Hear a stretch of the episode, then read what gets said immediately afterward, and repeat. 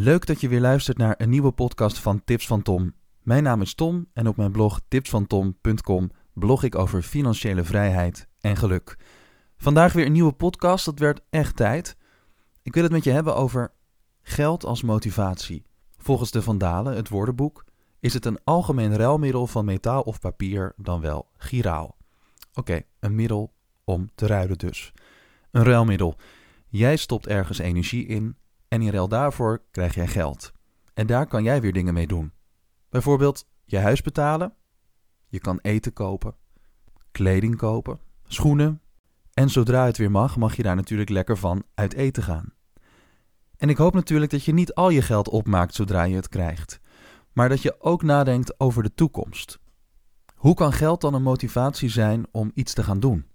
Ik neem als voorbeeld het klassieke sportschoolabonnement. In het begin ga je heel enthousiast daar naartoe, want je hebt een doel. Je wilt fitter worden, misschien wel gespierder, of je wilt afvallen, of je wilt gewoon beter in je vel zitten. Daarna zie je bij veel mensen, als ze dat sportschoolabonnement een tijdje hebben, dat die motivatie wat verwatert. Het regent, of ze zijn moe, of ze zijn druk, dus gaan ze niet meer naar die sportschool.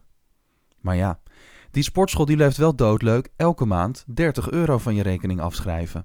En op dat moment kan geld ook een motivatie worden. Want het is zonde als je wel betaalt voor die sportschool, maar het abonnement niet gebruikt. Dus hop, daar ga je naar de sportschool. En nu is geld dus een motivatie voor jou. Ook bij deze podcast speelt geld als motivatie mee.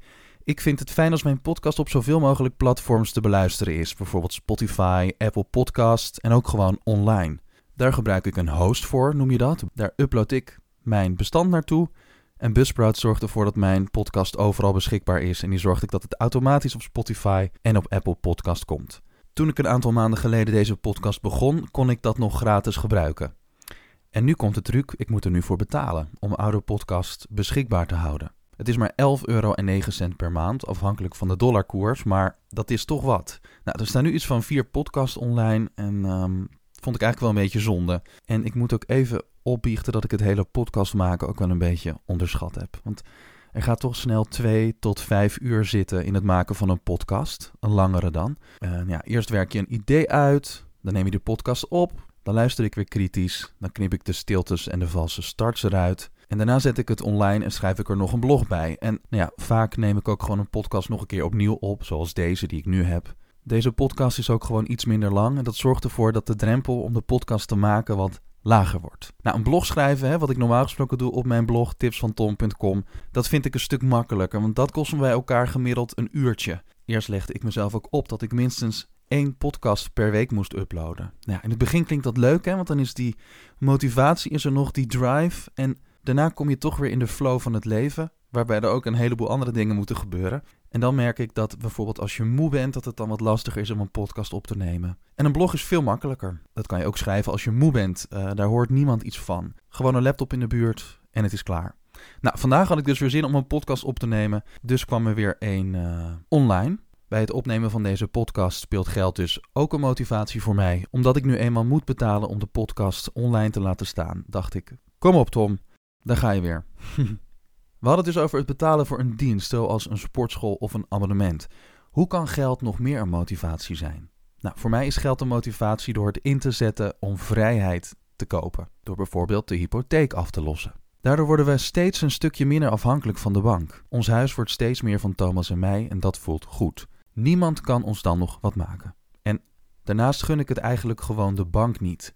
De bank maakt namelijk enorme winst op je hypotheek. En ik weet wel dat er winst gemaakt moet worden. En uh, ik betaal ook wel wat rente, maar het moet wel leuk blijven. Nou, daarnaast is geld een motivatie voor mij omdat ik het in aandelen stop. Om dat bedrag te laten groeien. Dat is nu zo'n 100 euro per maand. Zou natuurlijk meer kunnen zijn, maar voor ons heeft aflossen op de hypotheek prioriteit. Zoals je nu ook ziet, de beurs kan groeien, maar kan ook weer dalen.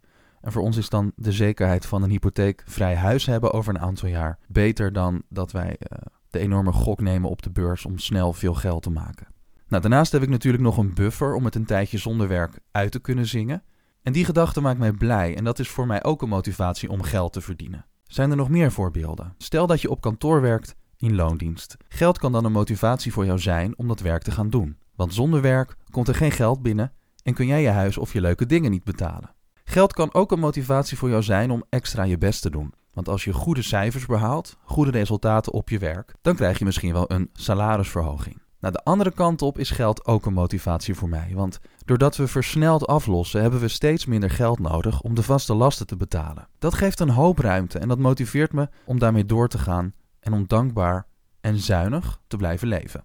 Maar let wel op, zuinigheid, daar zijn natuurlijk verschillende niveaus van. Het is niet zo dat hier de theezakjes allemaal hangen te drogen. Het is ook niet zo dat we nooit een stukje vis eten. Als we iets willen kopen, dan doen we dat. Maar we vragen onszelf wel goed af: hebben we dit echt nodig op dit moment? Gaat dit ons leven fijner maken? En natuurlijk moet geld ook geen drijfveer zijn om alles te doen. Uiteindelijk is geld natuurlijk maar een ruilmiddel. Als je geen plezier hebt in wat je doet en alleen voor het geld gaat, dan zul je merken dat je een energielek krijgt. Want er gaat meer energie uit dan er in komt. Het kost jou meer energie om dat dingen te doen dan de hoeveelheid energie die jij daarvan krijgt. Het resultaat daarvan is dat je op kan branden en je de kans krijgt om op lange termijn een burn-out te krijgen. Nou, dat moeten we niet hebben natuurlijk. Op wat voor gebieden is geld voor jou een motivatie?